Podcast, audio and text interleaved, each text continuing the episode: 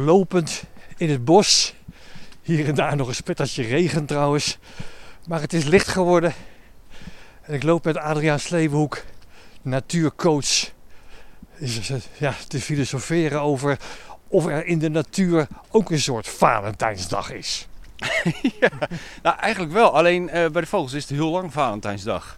Want het is voorjaar. Ja. En wat de meeste mensen niet weten, en dat is het leuke als je eh, van vogels kijken houdt, is dat het voorjaar eigenlijk al begint rond eh, Nieuwjaarsdag. Oh. Ja, want dan beginnen de vogels, de eerste vogels weer met, met zingen. Ja. En dan beginnen ze ja, elkaar het hof te maken. En dat duurt echt totdat ze gaan broeden. En dan gaan ze soms een tweede nestje doen. En dan moeten ze nog een keer zich uh, ja, hè, baltsen. Dus zich mooi maken voor de ander.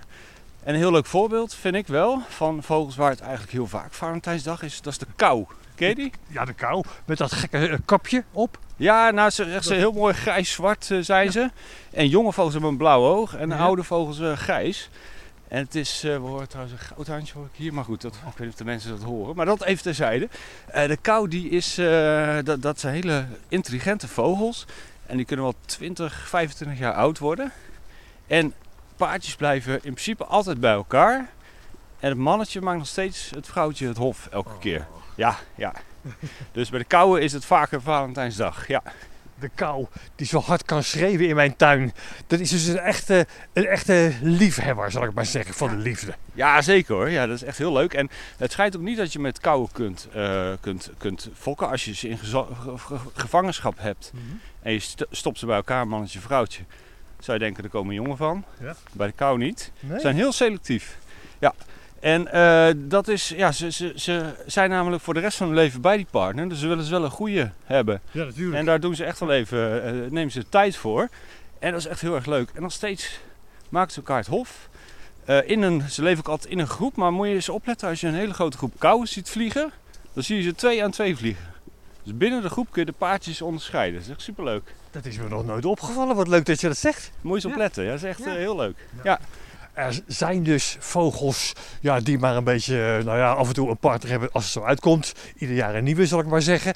Er zijn ook vogels die dus eigenlijk altijd dezelfde partner proberen te houden. Ik weet van bonobo-apen bijvoorbeeld dat die uh, heel erg actief zijn met het bedrijven van de liefde. Heb je een soort bonobo in Vogelland? ja, bonobo.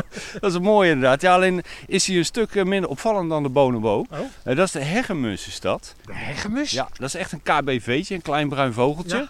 En die zit in de heg. En uh, vaak zie je ze op de grond sluipen. Zo net een muisje ja. is het. En er was een, een dominee in uh, de 19e eeuw. En die zei tegen zijn parochianen, in Engeland was dat... Well, je moet net zo zedelijk je gedragen als de hegemus. Maar wat hij dus toen niet wist, gelukkig maar... was uh, dat het een zo grote orgie is eigenlijk in de, in de heg. Bij de hegemus.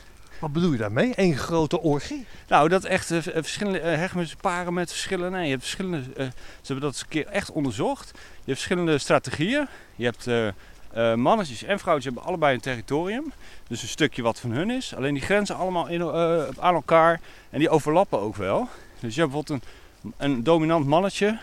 Paard dan met een vrouwtje.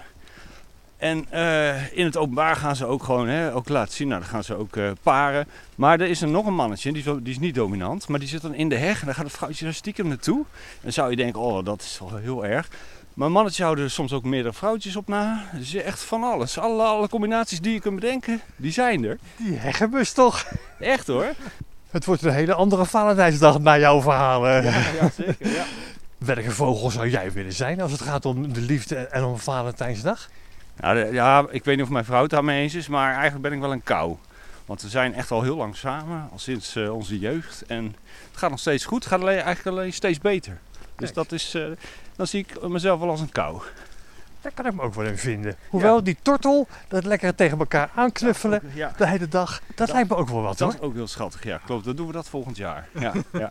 Leuk hè, die uh, vogeleigenschappen te projecteren op mensen. Hè? Ja, is echt, uh, ik, ik word daar altijd heel blij van. Ja, ja zeker. Ja.